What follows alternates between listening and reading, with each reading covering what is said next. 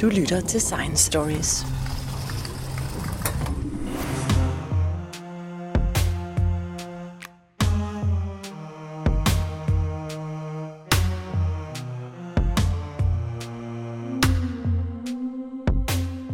Jeg læste for nylig, at Danmark skal til at have sin egen tid, og jeg tænkte straks, om det virkelig var nødvendigt. Men så kom jeg til at tænke på mit vækkeur på natbordet, som hver time indstiller tiden efter et atomur i Frankfurt. Og jeg tænkte, at der måske i virkeligheden var en hel masse grunde til, at vi skulle have vores egen tid. Og derfor er jeg taget ud på Danmarks Nationale Metrologiinstitut, hvor jeg har fået fat i fysiker og Ph.D. fra Niels Bohr Instituttet Mikkel Skov Nielsen. Og Mikkel Skov Nielsen, vi skal lige slå fast, at metrologi instituttet, som vi sidder på, det er så ikke øh, Metrologisk Institut, som, øh, som beskæftiger sig med vejret. Nej, det institut, vi er på i dag, det er Metrologisk Institut. Metrologi, ikke er læren om at måle ting. Så det her, det er Danmarks Institut for at måle meget nøjagtigt forskellige måleenheder, og det er måske mest kendt fra vores øh, længdemål, altså meteren, eller vores øh, mål for vægt, mm, kilogrammet. Øh, men det er altså også et, det, det her institut, hvor at sådan noget som tiden, altså sekunder og hvad klokken er, det er, så, det er det her institut, hvor det hører hjemme. Så det her med, at Danmark skal have sin egen tid, hvor nyt er det? Vi har faktisk tidligere haft en dansk øh, nationaltid. Øh, tilbage i, i 1880 indførte man faktisk en, en egentlig nationaltid i Danmark. Det kom så af, at man på det tidspunkt havde en række teknologier, der havde behov for at, at øh, have den samme tid, eller have styr på, hvad tiden var. Der var kommet telegrafen til, altså noget kommunikationslinjer.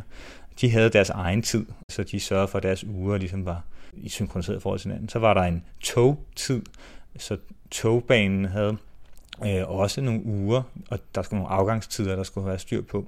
Så havde vi en posttid, øh, som jo bestemte noget om, hvornår posten blev hentet og øh, ankom. Og så havde man i hver enkelt by, der havde en kirke, havde man dengang en lokal tid. Det var bestemt af kirkeuret, og det er afhang lidt af, hvor god den pågældende ansat i kirken var til så at indstille det ur. Man kan allerede høre her, at der var lidt meget at holde styr på, øh, de mange forskellige slags tider. Så i 1880, der fik man så øh, især på opfordring fra øh, togbanerne, fik man så øh, ensrettet det hele, så vi havde en fælles tid. Og den blev øh, bestemt fra København af, fra Astronomisk Observatorium på Østervoldgade, som man stadig kan gå ind og besøge i Botanisk Have i dag. Så de bestemte simpelthen ud fra observationer øh, af øh, jordens rotation, bestemte de dagens længde, og dermed bestemte de, hvornår klokken var 12. Øhm, og så havde de et lokalt ur, mekanisk ur, som de så indstillede. Og det kunne man så bruge derfra så til at udbrede til hele landet. Og det øh, fortsatte man med, selvom man nogle år efter i, øh, i 1894 indførte man øh, i Danmark, at vi gik over til universaltiden. Så nu var det ikke længere nok, at øh, vi havde styr på togtiderne i Danmark. Nu gik man simpelthen ind og lavede et internationalt tid med tidszoner, som vi stadig kender det. Og Danmark skiftede så til den tidszone, der hedder 1 time forskudt i forhold til Greenwich i London, som er det her Greenwich Mean Time, man kender, som er øh, nulpunktet for vores øh, tidsmåling. Øhm, og øhm, der havde man altså så stadigvæk på Astronomisk Observatorium i Danmark den danske tid. Man kaldte det en tidstjeneste. Det havde man faktisk helt frem til 1965, hvor at observatoriet så i forbindelse med, at man flyttede ud til Brofelte, Brofelte Observatoriet, der nedlagde man så i den forbindelse tidstjenesten. Så siden 1965 har der ikke været en national tid i Danmark. Hvorfor har vi brug for at få vores egen tid? Uh, nu har man da klaret sig fint uden en officiel dansk tid. Ja, på den måde kan man sige, har vi heller ikke brug for vores egen tid. Men det vi har brug for, det er ligesom vores egen tidsreference.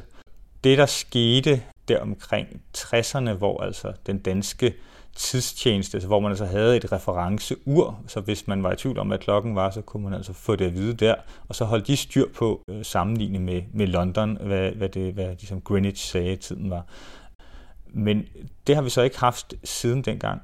Til gengæld så skete der nogenlunde samtidig med i 1959 begyndte DCF 77-senderen, altså radiosenderen nede i Frankfurt, som er synkroniseret til, sidenhen synkroniseret til et atomur, begyndte at udsende signaler. Og fordi radiobølger ikke stopper ved landegrænser, så har vi haft nyt godt af i Danmark, at de, de tyske øh, skatteborgere har betalt for sådan en tidsreference. Og det er så blandt andet det, som øh, vækkeuret, radiouret til hjemme på natbordet, det ligesom indstiller sig efter. Øhm, og det går også fint nok, hvis man ikke har brug for mere end måske bare at vide på sekundet, hvad klokken er. Problemet er så i det takt med, at vi har fået nye teknologier, som kræver en meget bedre nøjagtighed, præcision, end det vi kan øh, få ned fra øh, radiosenderen i Frankfurt, så, øhm, øh, så er det ikke længere nok. Man kan sige, at radiosenderen i Frankfurt, der kan vi måske opnå øh, en hundreddel sekund nøjagtighed. Altså, så vi kan ikke skælne den rigtige koordinerede universaltid, UTC-tiden, bedre end et 100 sekund, fra, med, hvis du sammenligner med dit radio, sådan cirka. Men nu har vi, øh, kom, der er kommet teknologier, især øh, digitale teknologier, er begyndt at vinde frem, jeg ved, det, vinde frem som, øh, som kræver langt bedre. Altså, så det er ikke af hensyn til øh, menneskets øje, så at sige, men det er af hensyn til computeren i virkeligheden, at vi har brug for en, en bedre tidsreference i Danmark. Det er sådan noget som internet, server, øh, tidsserver over internettet, der har vi faktisk ikke nogen officielle i Danmark, øh, det man kalder NTP-server.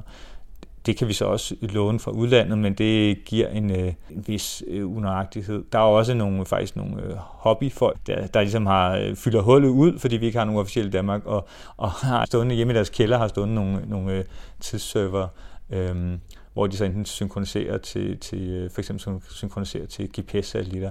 Der er også øh, øh, kommet teknologier inden fra finansiel øh, handler, hvor at man nu altså børsen, der er det ikke længere selve, på selve børsen, man handler, det er i virkeligheden over internettet på millisekundniveau, altså tusinddele af sekundniveau, hvor at der sker handel af aktier, køb, salg. Mange aktier ejes i under et sekund i dag. Især når der så er et, et, et sket uheld, øh, hvilket skete i 2010, hvor man havde det såkaldte flash crash på øh, børsen i, i USA, at, at så var for grund af alle de her algoritmer, der handler om lyshastighed, de gik der noget galt, og så styrtdykkede øh, meget kort vej, en halv times vejhed cirka, styrtdykkede aktiekurserne, og ingen kunne på daværende tidspunkt forstå, hvorfor. Og problemet er så, hvis man så vil gå tilbage og finde ud af, hov, hvem var det så en, der ejede aktierne, når det ligesom gik galt, hvis man vil optravle det? Hvem var der solgte på hvilket tidspunkt? Hvis man ikke har et ur, der, øh, der er synkroniseret bedre end de her tusinddele af et sekund, så, øh, så kan man faktisk ikke opklare det. Og, og der, øh, der har man så indført øh, sidenhen nogle krav om, at, at nu skal man faktisk være synkroniseret bedre end, end 100 mikrosekunder, altså en 10.000 del af et sekund skal finansielle øh, institutioner være, være synkroniseret bedre, end hvis de skal handle med de her øh, hurtige computeralgoritmer.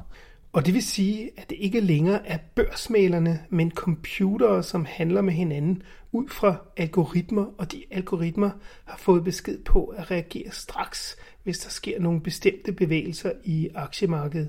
Ja, altså det som det her, den her højfrekvente aktiehandel, man, kalder man det også, det som den lever af, det er virkelig at være hurtigst.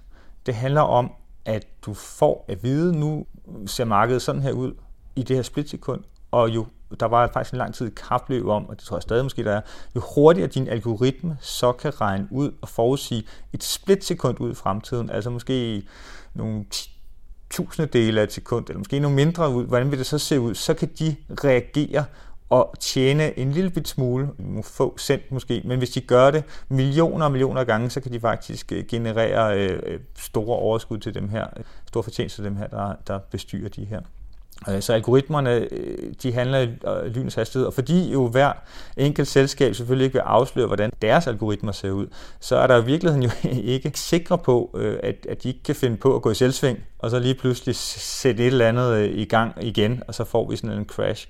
Og hvis man så vil opklare, hov, hvad var det, der skete, jamen så har vi faktisk brug for øh, rigtig, rigtig god synkronisering.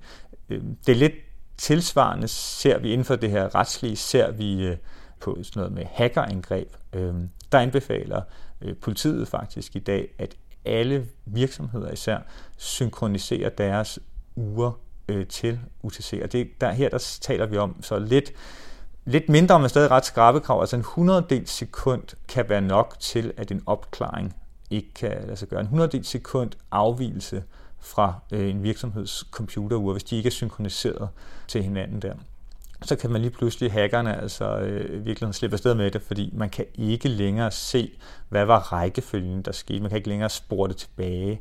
Så på den måde er man virkelig, altså det er virkelig, vi kalder det kritisk infrastruktur her, på samme måde som at elnettet fungerer, og at vores vandforsyning fungerer. Hvis ikke vi har styr på de her tider, så vil det, den digitale infrastruktur ikke fungere. Og det vil sige, at hele elnettet kan få problemer, hvis tiderne ikke er koordineret. Ja, der er i hvert fald nogle nye teknologier på vej i forbindelse med det, vi snakker om her med smart grids, hvor vi snakker om, at vi skal have mange decentrale energiformer tilsluttet, altså øh, solceller, vindmøller osv. Øh, så har vi brug for en overvågning af elnettet, en digital overvågning, og her er der faktisk behov for, at man synkroniserer de ugereferencer, der står ude omkring elnettet, faktisk til bedre end en milliontedel af, af et sekund. Øh, så også her øh, har man øh, brug for meget, meget, meget nøjagtige uger. Der har faktisk været, ja, øh, jeg kan ikke huske præcis, men der har været noget snak om i USA, der at man nødt til at opgradere gevaldigt på elnettet for at kunne undgå sådan nogle lige pludselig, at det, det, det, på grund af synkronisering, at, at der kunne komme strømafbrydelser. Øh, jeg ved, i Norge, der er de i gang med et, et, har været i gang flere år med et stort projekt, deres elnet med at, simpelthen at skulle installere atomuger en lang række steder og få synkroniseret deres tider der til det norske Meteorologiinstituts tidsreference. Og, og det samme øh, er Energinet i Danmark også i gang med øh, at skulle se på. Udfordringen for Energinet er så, at vi, fordi vi ikke har en dansk tidsreference, så er de nødt til på en eller anden måde at stå på egne ben. De kan ikke, som de kan i Norge, læne sig op af nogen, der allerede har noget viden og har en, et ur stille tiden efter. Men de her uger, som man bruger som reference, hvordan virker de, og hvor nøjagtige er de? Ja, man kan sige, et, et ur består fundamentalt set af, af to dele. Der er en oscillator, noget der svinger. Det kan være et, et pendul, der svinger frem og tilbage. Det holder en takt. Og så skal man have en tæller. Så, så har man faktisk et ur, og det kan man i princippet stå selv og tælle. Så hvis man hænger øh, et lod op i en snor og sætter det i svingning, og så siger nu vil jeg se, hvor mange svingninger der går, før at mit æg har kogt færdigt, for eksempel. Jamen, så kan du virkelig lave din egen stopur på den måde. Øh, det, der så er lidt kedeligt ved det stopur, det er, at der er ingen andre, der ved, hvor lang tid dit øh, svingningsmål, hvad det egentlig svarer til hos dem. Så man har så brug for at blive enige om, øh, hvor, jamen, hvor lang tid er ligesom en, en, en af de her svingninger, eller de her øh, små enheder, vi tæller. Og der har vi så blevet enige om, at sekundet, mange årtusinder tilbage i virkeligheden, når man indførte det jo, men der er vi så blevet enige om, at sekundet har en bestemt øh, længde, øh, et bestemt tidsinterval svarer til et sekund. Øh, det, det startede man med at bruge jordens rotation til, og derfor var man altså også nødt til at observere jorden øh, øh rotation øh, astronomisk forholdsstyr på det. Og, og, men så sidenhen er man så gået væk fra de her mekaniske pendulure for eksempel til øh, først kvarture og sidenhen er nu atomuger.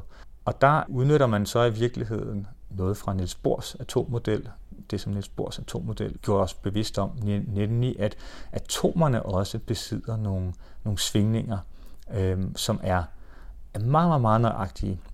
Meget mere nøjagtige, end vi kan gøre med, med mekaniske øh, ure, eller, eller ja, for den sags skyld kvarture.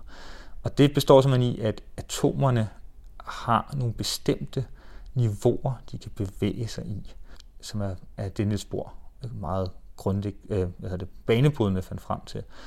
Og hvis elektronerne i atomerne skal bevæge sig imellem de her niveauer, så udsender de en elektronisk stråling, som har en meget veldefineret frekvens. Og en frekvens er altså nogle svingninger, og de her svingninger er ligesom pendulet, kan vi bruge til at, at styre et ur.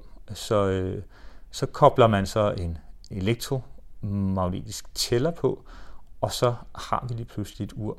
Og der hvis vi tager ligesom de bedste mekaniske ure, som vi også havde på Astronomisk Observatorium i Østervoldgade, de kunne måske holde tiden, altså de tabte måske et sekund på 100 dage. Da de første uger kom, så taler vi et sekund på flere tusinde år. Og øh, nu i dag, de næste generation af atomuger, der er vi måske op på et sekund ud af milliarder år. Og det er jo en øh, kolo enorm forbedring på 100 år. Altså det er øh, næsten ufatteligt, øh, hvor meget bedre ugerne er blevet. Og det, øh, det siger jo noget om også, at det med at have atomuger giver så lige pludselig mulighed for en hel masse nye teknologier, vi ellers aldrig kunne forestille os. De færreste ved måske for eksempel, at ure er nødvendige for at kunne øh, lave navigation.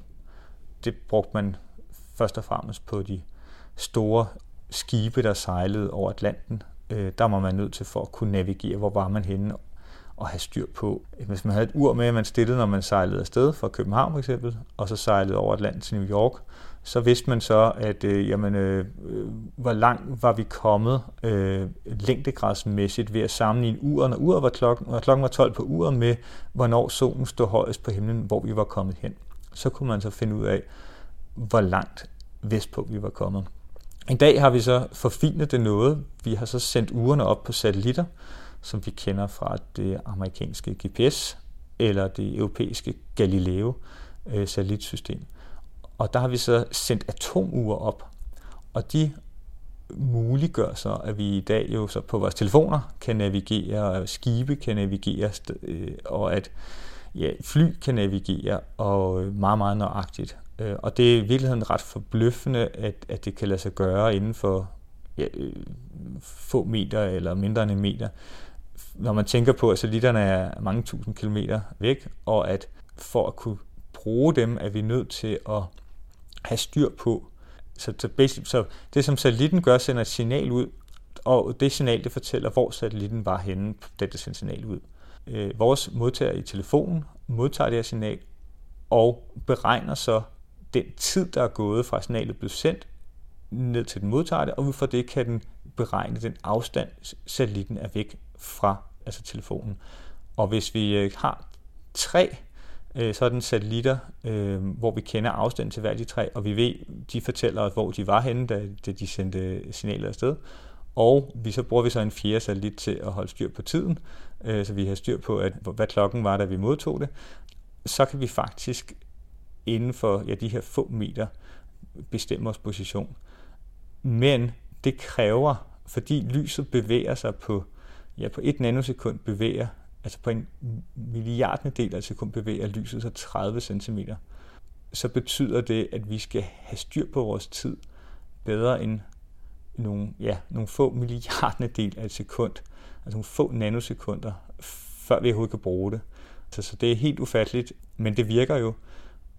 Og til gengæld er de også nødt til at holde styr på, det er en helt anden historie, men de er nødt til at holde styr på Einsteins relativitetsteori. Så de bliver nødt til at holde styr på tyngdekraften, som betyder, at alle uger faktisk går forskelligt, hvis man måler nøjagtigt nok. Det, det spiller sammen med Einsteins relativitetsteori med de her to uger, fordi at den siger øh, basalt set, at når, når vi befinder os i tyngdefeltet, et andet sted tyngdefeltet, så vil ens ur øh, gå lidt øh, anderledes, gå enten gå lidt langsommere og lidt hurtigere. Ja, så siden 1960'erne øh, og 70'erne, hvor at vi fik indført den internationale atomtid, så har vi haft et antal atomure, der står øh, forskellige steder øh, rundt om i verden.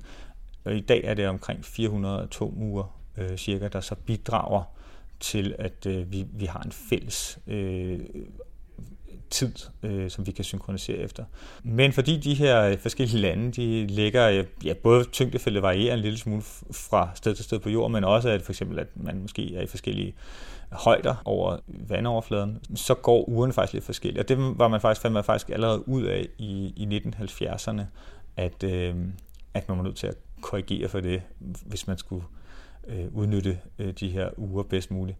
Og øh, med den næste generation af atomuger, så, øh, bliver, så bliver det endnu vildere, fordi der kan man de mest præcise atomuger, der en dag bliver udviklet i laboratorier rundt om i verden, der, der taler vi om, at hvis du løfter det få centimeter, så kan du faktisk øh, se, at det, det går lidt øh, anderledes.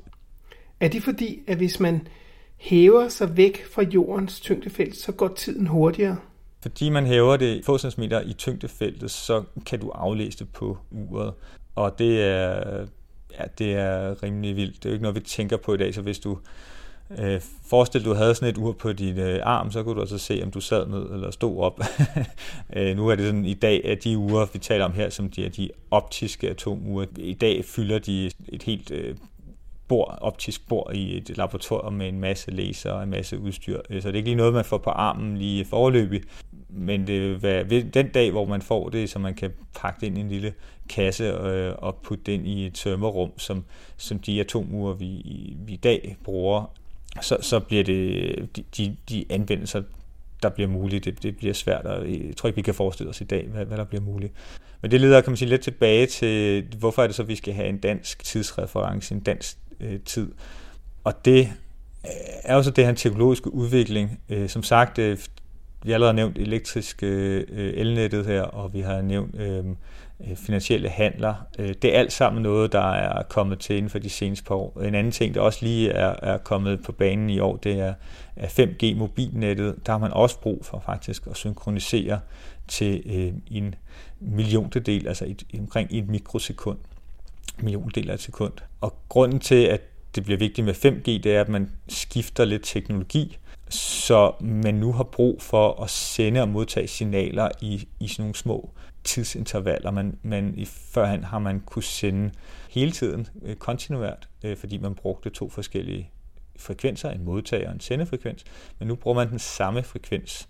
Så har man brug for at holde, som holde nogle pauser, hvor man kan modtage, og så nogle, nogle perioder, hvor man så kan sende. Og hvis øh, to master står ved siden af hinanden, de så ikke er enige om, hvornår at de skal sende, når de skal modtage, så kommer der bare støj og forstyrrelse, og så kan man faktisk ikke bruge 5G.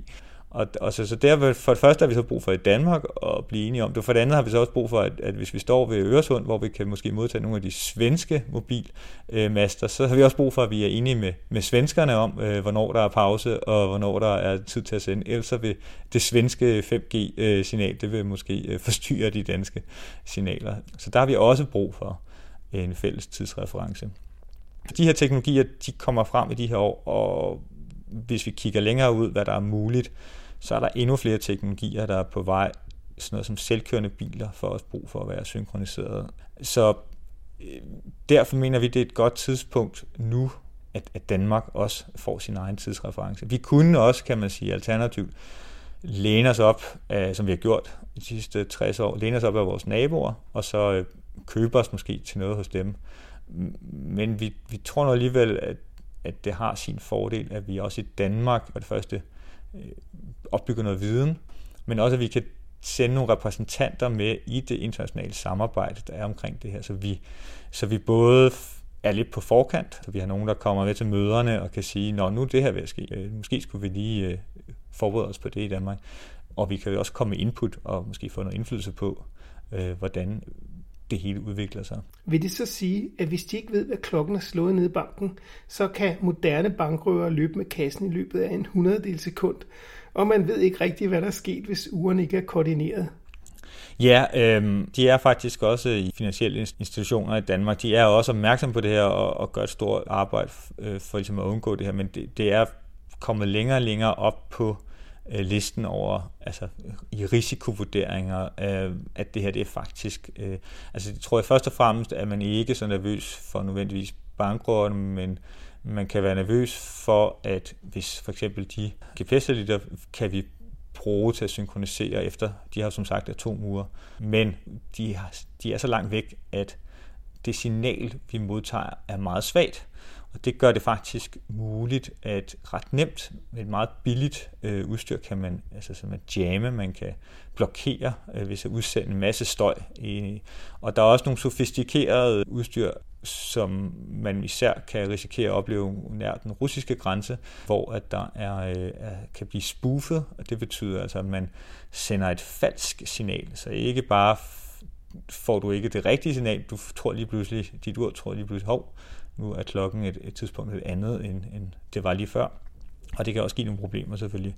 Og, og det er øh, som sagt forholdsvis billigt udstyr, og det er allerede i brug. For nylig så øh, øh, udsendte DTU øh, Space i samarbejde med Styrelsen for Dataforsyning og Effektivisering, de udsendte en rapport, hvor de i Aarhus havde observeret mange, mange hændelser med folk, der havde jammet nogle øh, modtagere, de har stående der, nogle satellitmodtagere.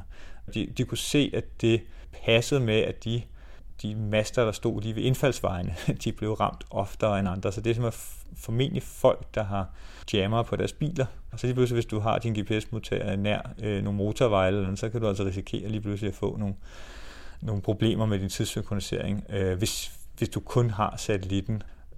Det vi kan gøre så ved at have en tidsreference hos øh, Danmarks National Meteorologiinstitut, det er så, at vi kan få en jordbaseret tid, og vi kan sende den ud igennem nogle kabler, øh, nogle, øh, nogle fiberkabler, og de kan ikke jammes på samme måde. Vi får altså en, en sikkerhed. Vi er ikke sådan et, et enkelt punkt, hvor, hvor der kan få det hele til at ramle. Vi har sådan en, en alternativ måde at synkronisere en backup. Og det øh, har man øh, altså faktisk investeret ret meget i i vores nabolande. I Sverige øh, har man fem øh, lokationer, decentrale lokationer med atomure. Og det er lavet sådan, svenskerne er jo noget mere i forsvarspolitikken noget mere bevidste om, de er neutrale og ikke med i NATO osv. Så, videre. så de, de har gjort det sådan, at selv hvis, man, hvis der er nogen, der skulle finde på at kappe kablerne mellem de forskellige, så kan de hver især de fem steder kan fungere autonomt, så man ikke mister øh, øh, adgang til tidssynkronisering. Og i England, der er man i gang med at udbygge til hele England et lignende system, som den engelske øh, regering har investeret i for et år siden. Så altså, og som sagt i Norge er de også i gang med i forhold til el. Så, så der sker meget, meget store investeringer i vores nabolande på grund af den her sikkerhedsaspekt i det. Men hvor lang tid går der så, før at Danmark får sin egen tid? Og hvordan vil I markere det? Ja, indtil videre har vi nu en, en, vi har fået en, en bevilling, der rækker sig over fire år. Og det er vores mål, at, at inden for de fire år skal vi have en national øh, tidsreference, og vi skal officielt anerkendes af det internationale samarbejde, at, at vi nu bidrager.